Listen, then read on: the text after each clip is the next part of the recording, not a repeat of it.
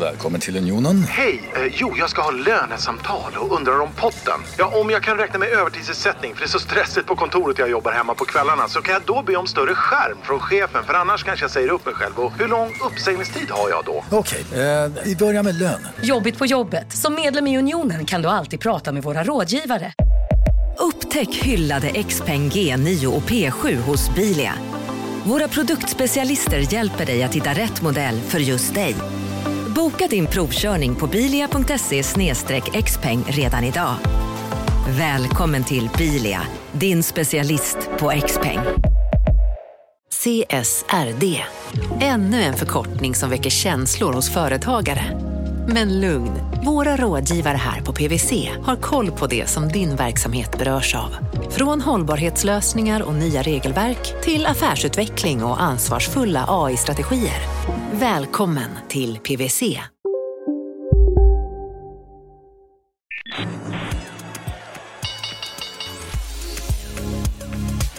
Det här är Affärsvärlden Magasin med Helene Rådstein.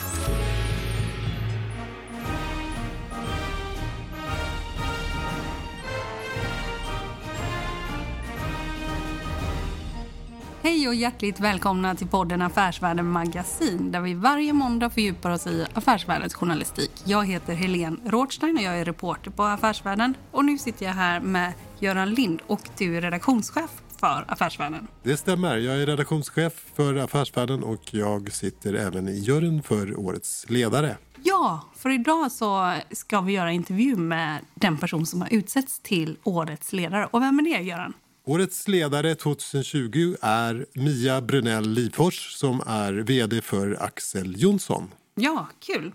Hur kom det sig att ni valde henne? Det är som vanligt ett väldigt gediget researcharbete bakom eh, den som blir årets ledare. Mia förenar väldigt många olika bra saker som krävs av dagens ledare. Hon är eh, framförallt förändringsinriktad Eh, Eh, det har ju visat både på eh, Axel Jonsson, där hon gjort väldigt stora förändringar men också eh, som i hennes tidigare roll som vd för Kinnevik. Hon är en lyssnande ledare som tar in väldigt många andras åsikter innan hon fattar beslut. Och hon är duktig på att kommunicera. Samtidigt är hon väldigt skarp i sin analys och inte rädd för att ta beslut. Och hela det här förenar någonting som behövs i dagens ledarskap. Så att eh, Mia var, eh, när vi allt kom omkring, ett väldigt självklart val för årets ledare 2020. Och jag har inte suttit med i juryn, men jag har varit på Villagatan 6 i Stockholm i, på Östermalm och intervjuat henne. Och man kan också säga att det har ju hänt väldigt mycket på Axel Jonsson sedan hon tillträdde som vd där för fem år sedan. Och sen så satt hon i styrelsen då ett år eh, tidigare. Vi lyssnar på intervjun med henne. Den kommer här.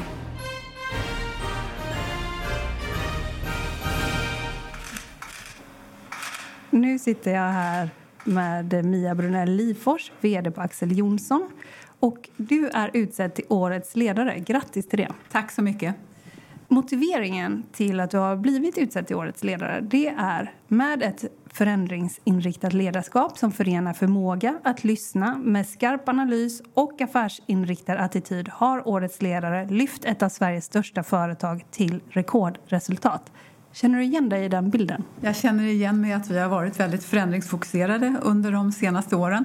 Handeln genomgår ju en väldigt stor strukturomvandling just nu med digitalisering och många andra trender också. Och det har vi fokuserat på. Hur då skulle du säga?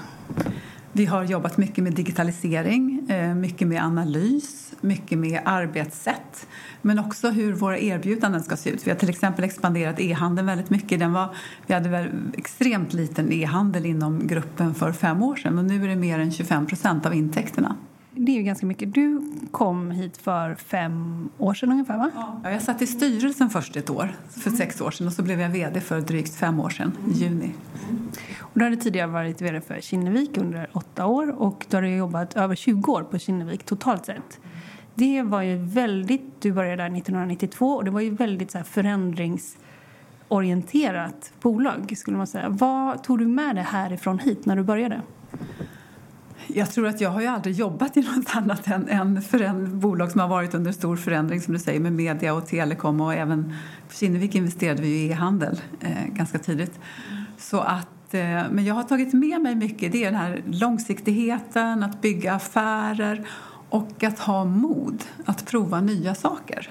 För det, det tycker jag är någonting som kännetecknar också både Axel Jonsson och Kinnevik. Axel Jonsson är ändå 147 år gammal och man blir inte ett så gammalt bolag om man inte förändrar sig hela tiden. För här har du också förändrat ganska mycket sen du kom hit kan man säga. Du började redan första året med ekonomen åkte ut va? Och sen så har eh, det kommit nya ledningspersoner på plats och i dotterbolagen har också alla vd bytts ut va? Sen du kom hit. Är det någon som är kvar kanske? Ja, ja men nästan alla va? Och det, det är väl en del när man, man gör en förändring så har, måste man ha människor som, som har eh, den inriktningen, den kulturen. Så det, kulturarbete är ju en viktig del av förändring. När jag lyssnar på dig så säger du ofta att du jobbar med ett relationsbaserat ledarskap. Vad är det för någonting? Jag tror att mest genom att ha bra relationer med, med människor. Man kan ha egentligen vilken titel som helst. Men för att vara ett riktigt bollplank och få förtroende då måste du ha en, en bra relation. Eh, och då måste det vara transparens och högt i tak och att man får säga vad man vill. Och, och så där. För, att man, för mig handlar ledarskap om man ska få ut så mycket som möjligt av en organisation att man måste delegera. Och Då måste man delegera med ansvar och då måste man ha ett förtroende mellan sig och organisationen som man jobbar med.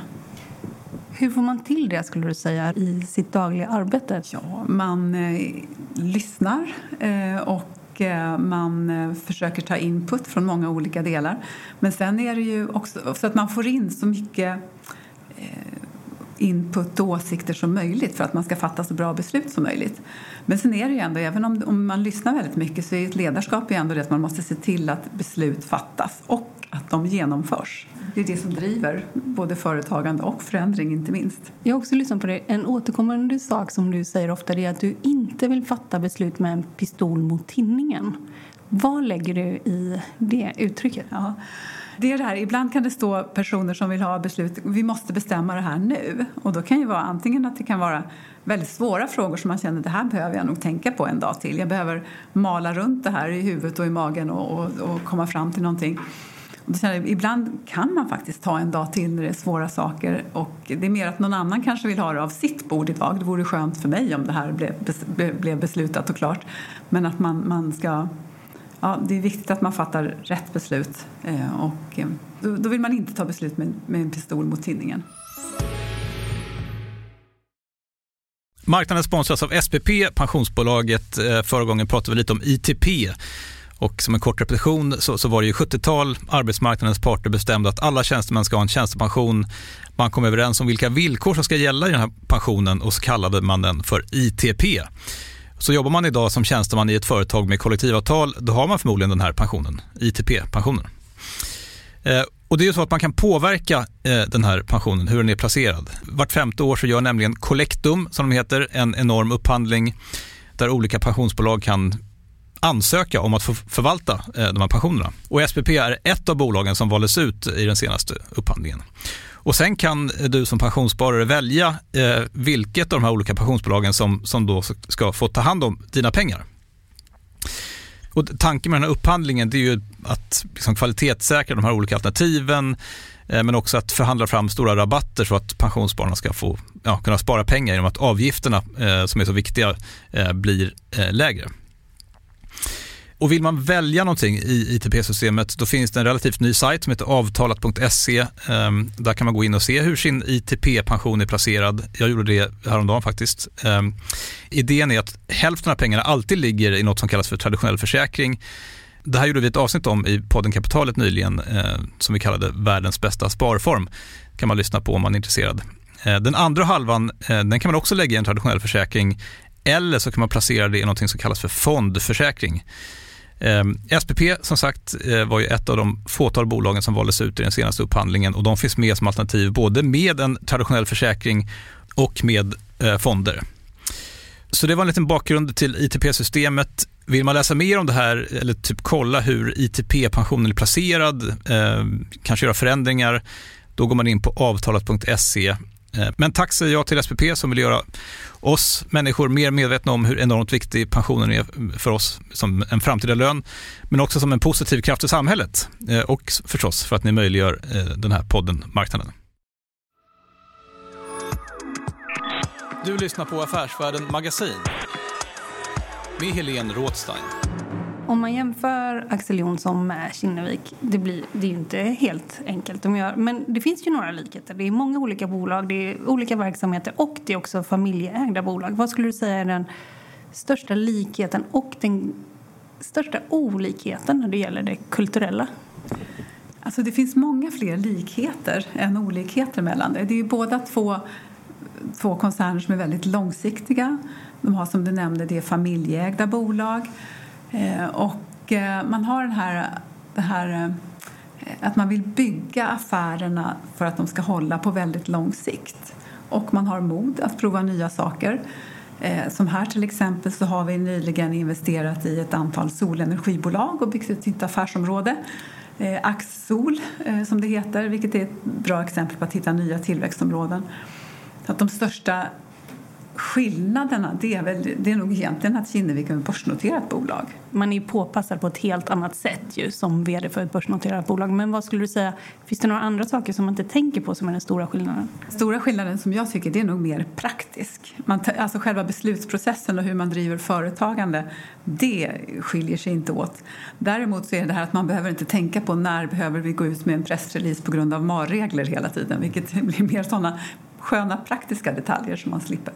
Förra årets vinnare, Björn Rosengren, han fick priset för ett decentraliserat ledarskap. Hur ser du annars på liksom centraliserat och eh, alternativt decentraliserat? Alltså jag tror verkligen på decentraliserat ledarskap och att man måste ha frihet under ansvar. Och, och det tycker jag är väldigt viktigt för att om man ska få ut så mycket som möjligt av en organisation då måste ju fler personer ta ett större ansvar. Och det gör man ju om man får fri. Man, man måste samtidigt dela ansvaret. Men när man delegerar så ska man inte delegera bara uppgifterna utan man delegerar ansvaret. Det betyder inte att man själv släpper det utan man får ändå ha ett gemensamt ansvar men det ska vara i, i en positiv anda tillsammans. Eh, Man kan inte peka finger sen och säga åh, titta vad fel du gjorde. Utan jag tror det här att, man, att låta människor växa. Och att, eh, att varje person tänker att de har som ett gummiband omkring sin roll snarare än hårda kanter i en, en fyrkantig ruta. Så att man får ta för sig och, och eh, tänka större än vad kanske rollen innebär. För växer människor så växer ju också då det de gör i bolaget. Jag tycker det låter som att du har en ganska positiv grundsyn på vad människor kan åstadkomma. Har den någonsin kommit på skam eller har du eh, liksom har den varit intakt, den synen? Och är det ens rätt uppfattat? Jo, men jag har en väldigt positiv grundsyn på människor, absolut. Det har jag. Sen är det klart att det är, ibland träffar man på personer som, man, som inte passar in i den kulturen, som kanske inte är transparenta eller som har andra agendor. Men det brukar visa sig förr eller senare. Har du varit med om det? Ja, det har jag varit med om. Om man ser till ledarskap, vad är ditt största misstag? Eller vad har du lärt dig mest under de här åren? Och vet du, jag tror jag lär mig saker varje dag. Ehm, så att det är nog svårt att säga. Man gör väl många misstag hela tiden. Men om jag ska tänka på något så här konkret så kanske det var när man var relativt ung chef eller ny chef och, och eh, att man in, att jag inte riktigt förstod de här kulturella aspekterna. Man jobbade internationellt i många olika länder och det tog kanske ett tag att förstå att det här i hierarkiska länder så är man på ett sätt och i andra länder så, så är, fungerar det på andra sätt. Att man, man kunde ha, bestämma någon sak på, på något möte gemensamt. Sen en del åkte hem och gjorde ordagrant vad man hade sagt och i andra länder så gjorde man det inte alls. Men alla hade varit väldigt eniga på mötet. Så att de här kulturella aspekterna var någonting som man, jag lärde mig successivt. Jag tänker bara när du började, liksom, för du var, började på TV1000 eller? Ja. Ja, du började där och sen så, var du, så småningom blev du finanschef på MTG och senare vd. Jag tänker, finanschef på MTG under den tiden, det, det kan inte varit helt lätt, eller? Vad lärde du dig utav det? Ja, vad lärde jag mig av det? Eh, Vi, hade, det var ju bolag som var under, vi startade ju nya bolag hela tiden. Eh, Och det var ju väldigt spännande. Det måste ha varit flera hundra bolag som vi, vi startade och gjorde affärsplaner för. Eh, det man lärde sig var väl att det är väldigt lätt att göra planer för nya bolag som ser ut som hockeysticks med att de ska växa till himlen allihopa och det gör de inte. Det, nej, det, det, fick man lära sig. Men här har ni ju också om ett bolag inom er koncern här, Novax, de håller på att hitta nya uppstickare och sådär. Är, är, du med och letar upp liksom vad nya grejer? Ni, gjorde, ni sålde nyligen också Lagerhouse därifrån kan man säga. Jag, jag, inte, jag jobbar inte aktivt i bolaget. De letar själva på Novax men man, man, har ju en ständig dialog om vilka områden de tittar på. Och jag tycker att Novax är väldigt spännande just nu för de har ju delat in sig i olika teman. De har till exempel Eh, Eh, ett område som är på sport och hälsa, som är ett, ett växande område i samhället. Eh, de har access control, vilket är digitala lås, och tittar på olika förvärv kring det. Eh, Foodtech är också ett område. Man har, har, håller på att starta upp en, en kommersiell verksamhet med baljväxtfärs och har också investerat i ett proteinersättningsbolag baserat på lupiner.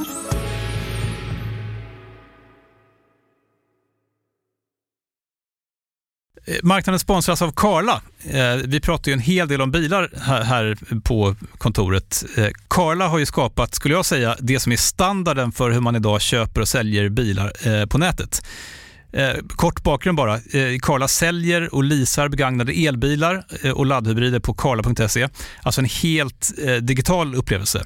Och man har gjort det här med ett nästan maniskt fokus på vad en bilköpare faktiskt behöver. Jag gjorde ju en intervju med en av grundarna, Patrik Illerstig, i marknaden här eh, ganska nyligen, eh, daterad 25 mars, om man vill lyssna på den. Eh, men där berättar han hur de kom in i det här lite från vänster för att försöka uppfinna hela den här liksom bilköpupplevelsen från början. Och de har idag, vilket är rätt otroligt, 4,8 i betyg eh, på Trustpilot. Jag, jag har sett många företagssidor på Trustpilot, men det här är nog bland eh, det bästa jag någonsin sett eh, faktiskt. Man kan sälja bilen till Karla också. Eh, då går man in på karla.se, delar lite info om bilen, sen får man en gratis värdering och ett bud. De hämtar bilen helt gratis i hela Sverige och så har man pengarna på kontot i samma stund som de hämtar bilen. Det är grymt. Eh, så ska du köpa en ny bil eller sälja din gamla, eller båda delar för den delen, gå in på karla.se och eh, kolla. Alltså karla.se och Karla stavas med C. Tack så mycket till Karla. Du lyssnar på Affärsvärlden Magasin med Helene Rådstein. Innan coronakrisen så pratade du väldigt mycket om, ni, ni är ju liksom i grunden handel och tjänstebolag får man säga, med tonvikt på mat kan man säga också väl? Ja, vi har ju säkert två tredjedelar av vår omsättning kommer, är, är från matbolag. Ja. Då är det Axfood, Martin och Servera. Sen, sen, sedan du tillträdde så har ni också förvärvat e-handelsbolag inom Axfood kan man säga. Ni ska investera i ett jättelager, eller Axfood investerar i ett jättehögteknologiskt lager och ICA gör samma med en partner vet jag. Men eh, när man tänker på den här förändringen, du är ju uppfostrad, tänker jag, professionellt i en förändringsorienterad miljö. Hur gör du för att eh, liksom, de som kommer hit också ska eh, vara förändringsbenägna? Jag tror att det, det, handlar, det, det handlar mycket om att, att eh, man först måste skapa ett medvetande om att vad som förändras och sen måste man ge verktygen och föra in kompetensen. Men det är ett, ett, ganska långsiktigt arbete och man gör det inte på en vecka. Man bestämmer inte så att okej, okay, från, och med nästa, från och med måndag så ska vi digitalisera och starta e-handel och, och jobba med dataanalys. Utan det funkar inte riktigt så för då har man varken verktygen eller, eller personer som, som är experter på det. Utan först skapar det medvetandet, sen se till att man har verktyg. Vi har jobbat jättemycket med utbildningar. Vi har haft säkert ett par tusen personer som har gått digitala utbildningar.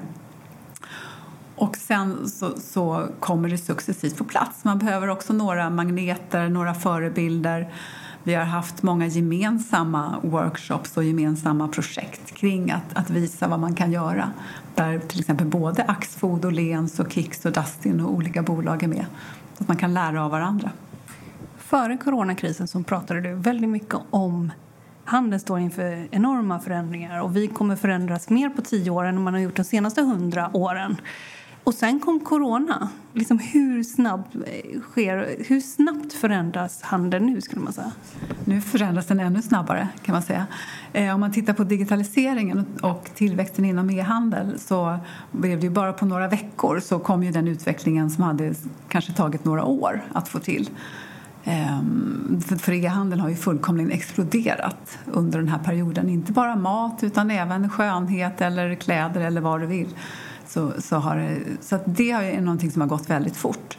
Sen har det kommit in andra variabler också med social distansering till exempel och eh, eh, det, blir, det är mindre folk i stadskärnorna vilket påverkar och, men å andra sidan så, så är det större försäljning av tjänster ute i landsbygden till exempel än vad det var, och produkter än vad det var tidigare.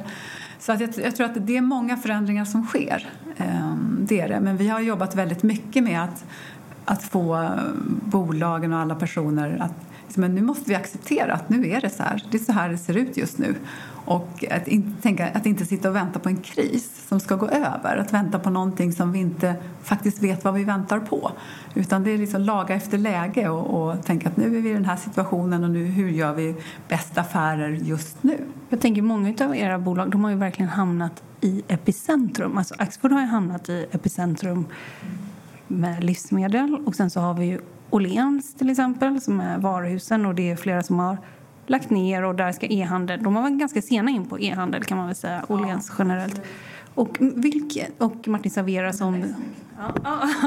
Men, men vilket utav dem, och Martin och Servera som har till massa restauranger och sådär. Alltså, jag känner ni har verkligen varit i mitten här. Hur, vilket utav dotterbolagen skulle du säga har påverkats mest? Och, visst, alla har påverkats. Det är precis som du säger om man tittar på livsmedel då som är Axfood eller vi har ju ett litet apotekbolag, Apohem, ja. ett nätapotek. De har ju haft otrolig tillväxt under den här perioden ja. i, i det lilla bolaget.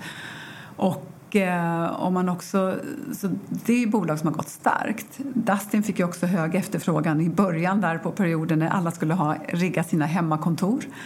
Sen har vi haft de bolagen som har drabbats mest av eh, att man har tappat eh, försäljning så är det ju Martin och Serverad och restaurangerna har inte varit stängda men man har fått restriktioner eh, och eh, likaså Åhléns då, där man märker framförallt cityvaruhusen.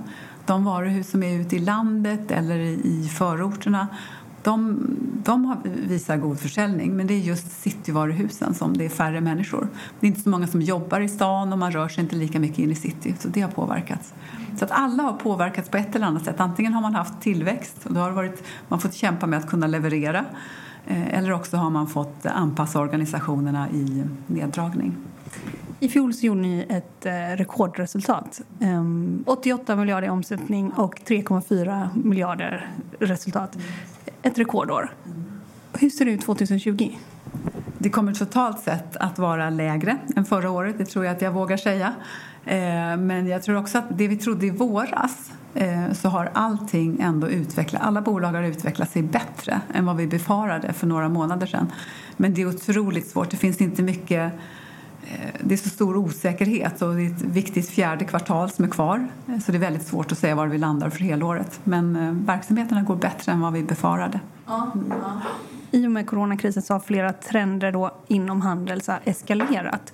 Vad skulle du säga är, vad håller du mest koll på här vad, vad gäller handeln just nu? Vart, vart är vi på väg? Liksom?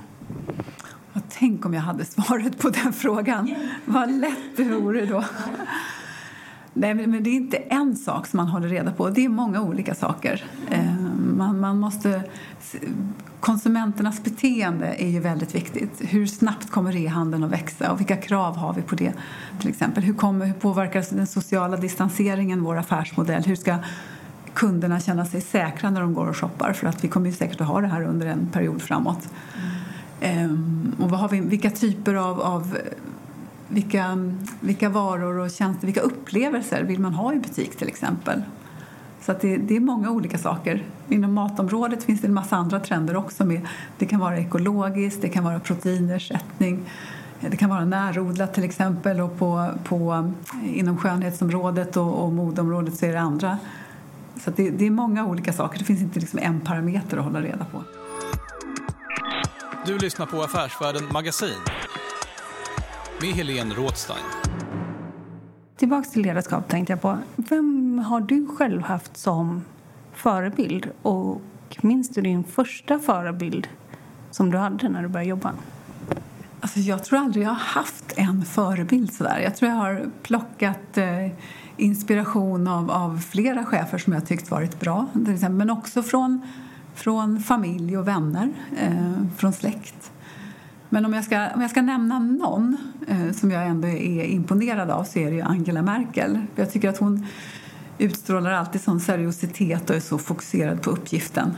Mm. Så det tycker jag är positivt. Det finns många andra ledare som är mer narcissistiska där ute. Mm. Men hon, hon, ja, henne beundrar jag. Narcissism tror du inte på? Jag tror inte det är en bra ledaregenskap, nej. Varför inte? Nej, man ska inte utgå från, från sin egen agenda och från att synas själv. Det handlar ju om att få bolagen att växa och få människor att växa. Apropå ledarskap, du sitter ju nära Caroline Berg som är styrelseordförande. Vi sitter ju faktiskt eh, på ert kontor här i Villa, Villagatan i centrala Stockholm. Vilka sitter där vi sitter? Det är två hus här.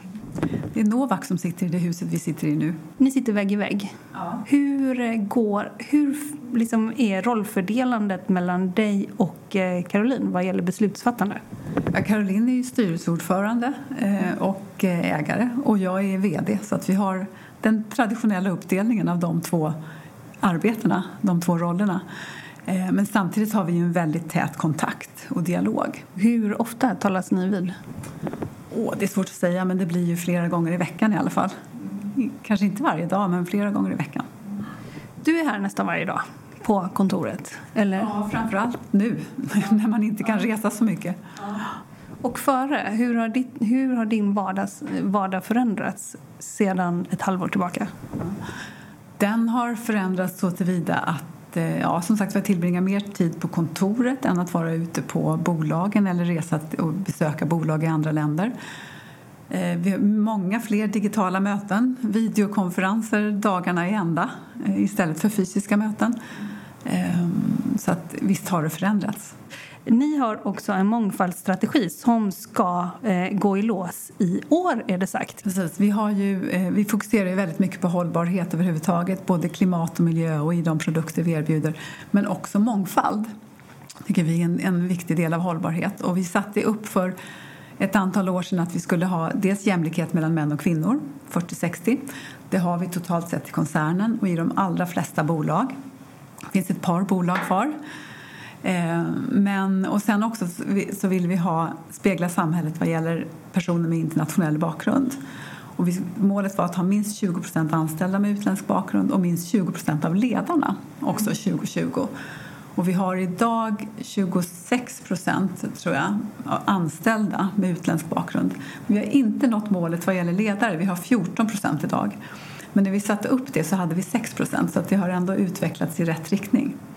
Men det vi gör just nu är att vi eh, ska försöka satsa ännu hårdare på det här så att vi har eh, satt en avdelning inom Axel Jonsson som enkom kommer att syssla med, eh, med mångfald, mångfald på riktigt och se till att vi kan bli bättre på det i vår rekrytering och befordran och, och, hur vi arbetar. Så förhoppningsvis kan vi bli en förebild på det området. Varför är det viktigt? Det är viktigt av flera olika skäl. Det första är att spegla samhället, vilket är våra kunder, spegla kunderna. Och det andra är också att jag tycker att inkludering och integration är väldigt viktiga frågor. Och eh, jag tänker också om man har en bredare grund som man tar input ifrån så får man ju, fattar man ju bättre beslut. Alltså mångfald ger mer input som ger mer grundade beslut. Jag för mig någon gång har du sagt om alla är likadana i ett styrelserum så räcker det med att en person är där. Ja, det stämmer nog att jag har sagt det. Är ni väldigt olika i ledningsgruppen idag? Nej, vi är inte väldigt olika, men vi, ja, jag vet inte. Vi, vi, vi, vi har personer som är födda på 80-talet och 70-talet och 60-talet i alla fall. Så vi i alla fall tre, täcker tre decennier. Er COO, heter hon Stina ja. Andersson? Ja. Eh, jobbade ni ihop på Kinnevik? Du och... Ja, det gjorde vi. Är, är det där, är det, plockar du in henne? Liksom, eller? Ja, hon, när jag, efter att jag lämnade så jobbade hon på Tele2 eh, i några år och sen så, så anställde vi henne här. Har ni fler som ni har tagit därifrån? Ja, vi har ju Thomas Ekman som är vd på Dustin till exempel. Han var ju på Tele2, ja. eller på MTG först, sen Tele2, men sen lämnade han och jobbade på andra bolag. Eh, men han kom med i processen när vi rekryterade vd till Dustin. Och Dustins vd, tidigare vd, han är på Kinnevik nu. Precis. När eh, du, om man tänker på Kinnevik där du var så länge, det är därför vi pratar om det nu, även om det är på Axel Jonsson nu. Där kan man väl säga att du gjorde att du var med och skapade en transformation från skogsbolag och telekom till tech där slutligen då Zalando var liksom det största, eh, det största portföljbolaget. Vad skulle du säga, vilka, om man skulle ta det i snabba drag, vad har du gjort här och vad, vart vill du komma?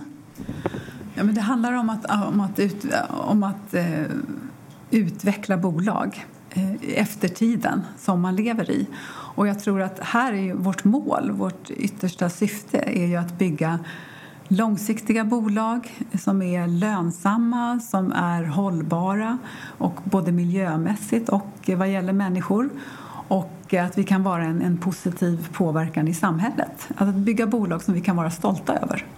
Men man behöver ju tillväxt och lönsamhet för att klara av att bygga hållbarhet och långsiktighet. Jag säger tack för att jag fick komma hit. Och grattis till utmärkelsen Årets ledare 2020. Tack så mycket.